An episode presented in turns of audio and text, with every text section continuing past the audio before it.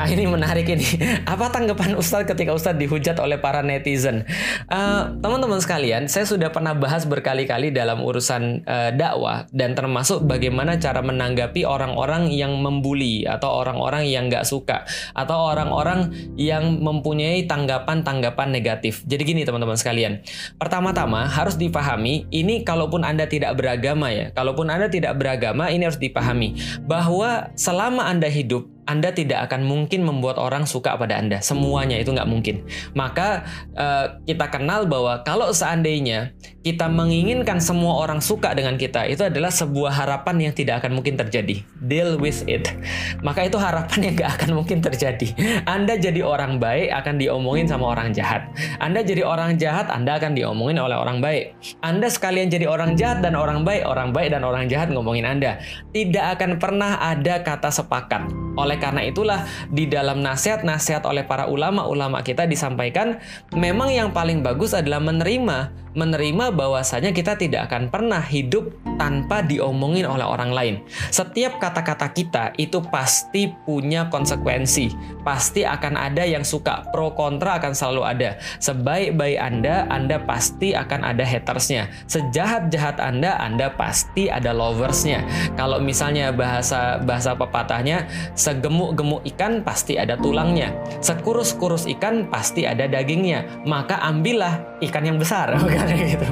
Jadi intinya adalah ini ini ini perspektif dulu ya. Walaupun Anda bukan seorang muslim, walaupun Anda bukan seorang yang beragama, perspektifnya adalah kita tidak mungkin selamat dari lisan orang lain. Itu adalah faktanya, tidak mungkin selamat, maka deal with it. Jangankan manusia, Rasulullah aja diomongin orang. Jangankan manusia, Allah aja diomongin orang. Berarti Ustadz menyamakan dengan Allah dan Rasul? Bukan saya tidak sama dengan mereka eh, dengan Rasulullah. Saya tidak menyetarakan diri dengan Rasulullah. Ya jauh lah kita sudah kita semua sudah tahu itu. Tapi maksudnya adalah kalau Allah dan Rasul aja diomongin orang, dicerca orang, dimaki orang, apalagi cuma Felix Xiao yang nggak ada apa-apanya. Nah artinya ini adalah perspektif yang harus kita ketahui bahwa kita tidak akan pernah mungkin untuk mencapai ridho orang. Itu kalau kita nggak beragama. Oke, kalau kita nggak beragama juga kita harus ketahui bahwa omongan orang itu tidak tidak pernah mengartikan tentang diri kita. Jadi kalau ada orang bilang, e, semangka lu, kurma, apalagi semangka tanpa biji, apalagi misalnya e, jambu merah, apalagi misalnya e, kurma kadaluarsa dan segala macam. Ya apalah yang bisa dikatakan oleh orang ya. Itu tidak pernah mengartikan diri kita. Itu adalah soal yang harus dijawab bayangkan Anda punya kertas ujian, kertas ujian itu ngasih Anda soal-soal dan soal itu tidak pernah tentang Anda. Soal itu menandakan siapa yang buat. Maka kualitas guru itu tergantung soal-soal yang dia buat. Paham ya? Karena soal itu bukan tentang kita. Apa yang menyebabkan kita punya nilai? Cara kita menjawab. Cara kita menjawab itulah yang nanti akan dinilai. Cara kita merespons itulah yang nanti akan menentukan kadar diri kita. Ingat baik-baik, bahwasanya tidak pernah omongan orang lain itu menentukan diri kita. Tidak pernah makian orang lain menentukan diri kita. Cara kita merespon itu yang menentukan Anda emas atau Anda sampah. Gitu kan ya. Jadi cara merespon dan Anda harus tahu walaupun Anda bukan muslim sekalipun, Anda bukan orang yang beragama sekalipun, tidak ada satupun orang yang bisa untuk menyakiti menyakiti diri Anda kecuali kalau Anda mengizinkan. Artinya, Anda yang pegang kendali dalam diri Anda bukan orang lain. Yang mereka ingin lakukan adalah merusak merusak kendali Anda atas diri Anda. Makanya zaman dulu kalau seandainya saya pas belum muslim masih di kelas itu kan suka suka menghina orang lain. Dan bagaimana cara menghina orang lain? Biasanya kita kita akan hina nama bapaknya gitu kan ya. Dan dari mana kita tahu nama bapaknya? Kita lihat di raportnya ketika bagi raport gitu kan ya. Ketika bagi raport oh sengaja langsung kita ambil oh bapaknya namanya ini. Bisa contoh bapak saya namanya Iwan. Oh Iwan Iwan Iwan. Saya juga bingung ya kenapa waktu dulu nama bapak kita disebut kita jadi marah ya. Padahal kan gak usah marah kan nggak apa-apa. Nah oh Iwan Iwan saya tiba-tiba jadi marah. Ketika saya marah itu teman-teman saya senang semua. Kenapa? Gue berhasil. Gitu kan ya. Setan di dalamnya berteriak dia kehilangan kontrol atas diri dia. Kita berhasil bro. Gitu kan ya. Kita akan lanjutkan pola yang sama. Jadi polanya jelas. Kalau itu mendisturb dia, itu mengganggu dia dan membuat dia jadi marah, berarti orang yang membuli itu jadi senang. Jadi dengar baik-baik teman sekalian, walaupun Anda bukan muslim, nanti saya akan jelaskan bagaimana perspektif eh, perspektif Islam. Kalaupun Anda bukan muslim, Anda harus tahu kemenangan terbesar yang Anda bisa berikan pada orang-orang yang membuli adalah Anda marah. Anda lepas kendali. jadi kalau Anda lepas kendali, itu yang ditunggu-tunggu. Maka dia akan terus membuli lagi sampai Anda nangis, sampai Anda ujung-ujungnya apa? Yang mereka inginkan Anda berhenti dengan apa yang Anda lakukan. Itu itu yang syaitan inginkan. Syaitan menginginkan agar orang tuh putus asa dengan apa yang dia lakukan. Kalau itu adalah hal yang baik, maka syaitan menginginkan dia putus asa untuk melakukan hal yang baik lalu berhenti dengan hal yang baik yang dia lakukan. Kalau itu adalah sesuatu hal yang yang biasa, maka syaitan inginkan adalah dia merasa dia worthless, dia merasa dia tidak berharga. Jadi artinya ini yang harus kita tahu dulu secara secara umum ya, secara umum. Nah, apalagi seorang muslim ini perspektif agama. Perspektif agama bagaimana caranya? Anda harus menjelaskan pada diri Anda sendiri untuk apa Anda ngomong, untuk apa Anda berbuat, untuk apa Anda menulis, untuk apa Anda melakukan segala sesuatu. Kalau seandainya Anda melakukan itu karena Allah semata, Anda sudah tegaskan lillahi. Sekarang saya tanya, apa alasan antum untuk marah? Apa alasan antum untuk merasa sedih? Apa alasan antum untuk merasa stres? Secara manusiawi iya, karena Rasulullah juga sama. Ketika Rasulullah dimaki, Rasulullah dicaci, Rasulullah dipersekusi, Rasulullah merasa sedih iya secara manusiawi. Artinya beliau mengadu kepada Allah, tapi tidak sampai depresi tapi tidak sampai kemudian memaki balik, tapi tidak sampai kemudian meninggalkan dakwah. Kenapa? Karena Rasulullah mengajarkan kepada kita bahwa segala sesuatu yang kita lakukan adalah karena Allah. Dan kalau yang kita lakukan karena Allah, dan kalau ada orang yang kemudian gak suka, yang penting kita pastikan itu adalah kebaikan, itu tambahan pahala. gitu kan. Itu tambahan pahala. Maka kayak kemarin misalnya ini sedikit sedikit pribadi ya dan ini sedikit guyonan. Jangan dianggap terlalu serius lah saya cuma guyonan dikit.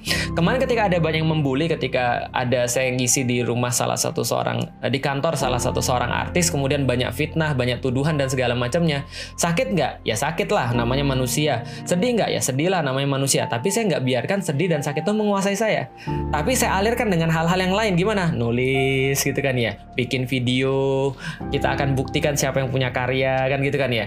Nah, lalu kemudian apalagi yang saya lakukan? Saya cerita sama istri saya begini dek kalau begini terus ini saya punya chance masuk surga ini. Gitu kan ya itu guyonan ya jangan diartikan serius. Oh nanti Felix Show pemegang kunci surga. Felix Show kayaknya sudah memastikan dirinya masuk surga. Enggak saya bilang sama istri saya tanya sama Umu Alila. Saya bilang gini dek kayaknya saya punya chance masuk surga kalau gini terus. Kenapa? Saya nggak yakin saya bilang sama istri saya. Dengan amal ibadah saya. Nggak yakin saya benar-benar saya nggak yakin. Mesti amal ibadah saya itu banyak cacatnya banyak celahnya.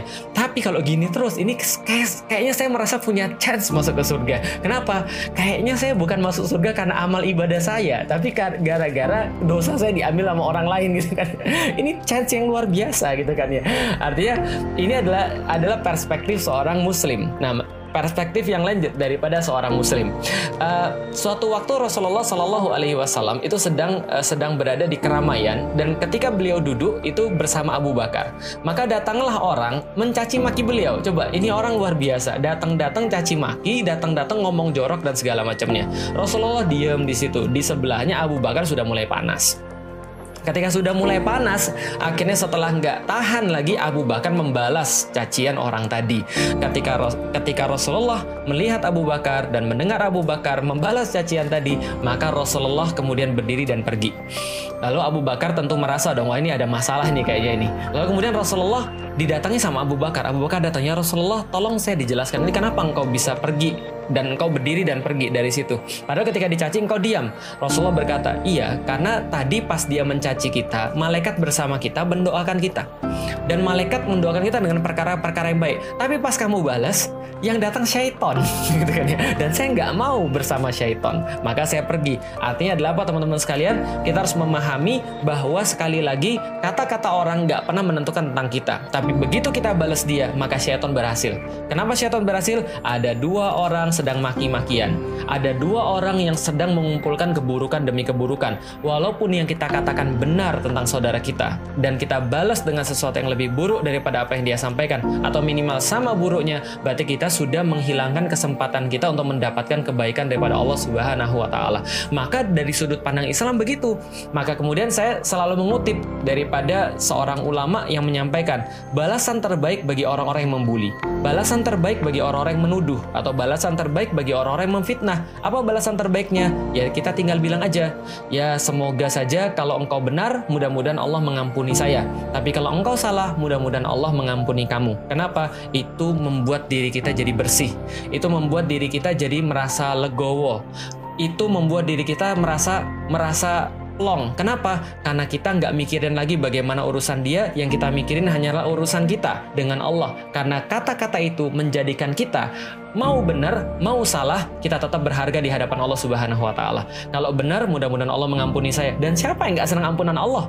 Dan kalau itu adalah sesuatu yang salah, mudah-mudahan Allah mengampuni kamu. Dan itu adalah doa kita juga. Dan kita mendapatkan apa pun dari situ adalah kebaikan. Gimana kalau yang dia kritik adalah sesuatu yang benar misalnya? Ya bersyukur dong. Sesuatu yang jadi gini, kalau saya berbuat kesalahan, satu tambah satu jawabannya berapa? Felix, jawabannya lima Lalu kemudian tiba-tiba ada orang negur, enggak Felix salah, satu tambah satu bukan lima, tapi satu tambah satu adalah dua. Alhamdulillah dong, berarti saya ditegur dan saya kemudian dikoreksi, itu adalah suatu kebaikan. Mengenai kemudian bagaimana cara ngoreksinya, bagaimana kemudian dia punya niat dan yang lain-lain ketika mengoreksi, itu urusan dia dengan Allah. Maka kita serahkan saja, kita easy going aja. Artinya kalau kita misalnya diingatkan oleh orang, ya Alhamdulillah. Kalau misalnya kita dikoreksi oleh orang, Alhamdulillah. Yang perlu kita sampaikan pada mereka adalah atau kita sampai pada diri kita sendiri dan kita sampai pada orang lain, teman-teman sekalian, kesalahan itu ada dua. Satu kesalahan yang cuma bersifat kesalahan biasa. Satu lagi kesalahan yang menyesatkan. Contoh misalnya, Anda baca Quran salah, itu kesalahan biasa. Artinya kesalahan ya namanya kesalahan tetap kesalahan ya. Tapi saya sampai ini kesalahan seperti 2 tambah 2 sama dengan 5 itu kesalahan. Tapi kesalahan yang masih bisa diperbaiki. Tapi ada kesalahan yang parah. Apa kesalahan yang parah? Nggak mau belajar itu kesalahan yang parah. Belajar lalu salah itu biasa. Tapi nggak mau belajar ini kesesatan. Contoh lagi misalnya. Anda anda kemudian tiba-tiba ketika jadi imam anda lupa ayatnya lalu kemudian anda anda tiba-tiba blank tiba-tiba anda sujud. Setelah kemudian lupa baca ayatnya. Itu adalah kesalahan yang masih bisa ditolerir dan ini terjadi terus-menerus di zaman uh, di zaman orang-orang kaum muslim. Artinya ya itu sebuah kesalahan biasa. Tapi kalau Anda menolak Al-Qur'an, ini kesalahan luar biasa. Apalagi kemudian mengatakan bahwa Al-Qur'an sudah tidak relevan lagi. Ini kesalahan fatal dan ini kesesatan yang nyata. Nah, maka kita sampaikan bahwa ya sudah easy going aja karena kita sudah jelaskan secara uh, secara perspektif bukan Islam pun ini sudah kita bisa untuk menenangkan diri kita karena sesungguhnya respon kita lah yang membuat kita berharga dan ingat teman-teman sekalian kita mau diingat seperti apa sih kita mau diingat seperti apa sih kita mau diingat sebagai orang yang baik atau orang yang jahat kita mau diingat sebagai pembela Islam atau kita mau diingat sebagai pembela yang bukan Islam. Kita mau diingat sebagai orang-orang yang memperjuangkan kebaikan lalu dicerca atau orang-orang yang melihat keburukan lalu mendiamkannya. Dan ingat, setiap ilmu akan diminta pertanggungjawaban. Maka saya secara pribadi, kenapa saya tetap terus berdakwah? Karena sederhana saja. Karena saya nggak mau sampai anak saya gede, itu nanya pada bapaknya. Pak uh, Abi, kenapa Abi dulu tahu tapi nggak ngomong? Kenapa Abi dulu ngerti tapi nggak bicara? Ada orang bilang, saya tahu, tapi saya nggak mau ngomong. Kenapa? Karena saya nanti kalau ngomong dibully orang. Paham ya maksud saya? Bagi saya, ditanya sama anak saya, kenapa saya nggak ngomong ketika saya tahu tentang kebenaran itu lebih lebih sakit, itu lebih ngeri daripada ditanya sama sorry daripada dibully sama orang. Itu baru anak sendiri. Gimana kalau sudah berhadapan dengan Allah, kemudian Allah tanya pada saya, Lik, kenapa ketika dulu ketika kamu tahu bahwa Al-Maidah 51 itu dibilang bahwa itu adalah jangan mau ditipu dengan Al-Maidah 51, jangan mau dibohongi dengan Al-Maidah 51, kenapa kamu diam? Atau malah kamu bela? Al atau malah kamu bela orang-orang yang menistakan Al-Quran itu dengan mengatakan bahwa Al-Quran itu tidak relevan lagi atau kemudian mengatakan bahwa Al-Maidah 51 itu tidak berkaitan dengan urusan kepemimpinan misalnya padahal Allah sudah nyata-nyata ngomong begitu. Atau kemudian ketika Allah nyata-nyata bilang bahwa kaum mukmin itu ketika dia harus dipimpin oleh orang mukmin juga, maka kita kemudian kita tahu maknanya dan kita mendiamkan. Nah, maka saya nggak bisa untuk kemudian membayangkan bagaimana Allah minta pertanggungjawaban saya. Nah, jadi mendingan dibully, mendingan kita dimaki daripada kita justru mendiamkan sesuatu yang salah. Tapi balik lagi harus kita lakukan dengan cara yang santun, dengan cara yang paling bagus, dengan cara yang paling indah. Itu kemudian jawaban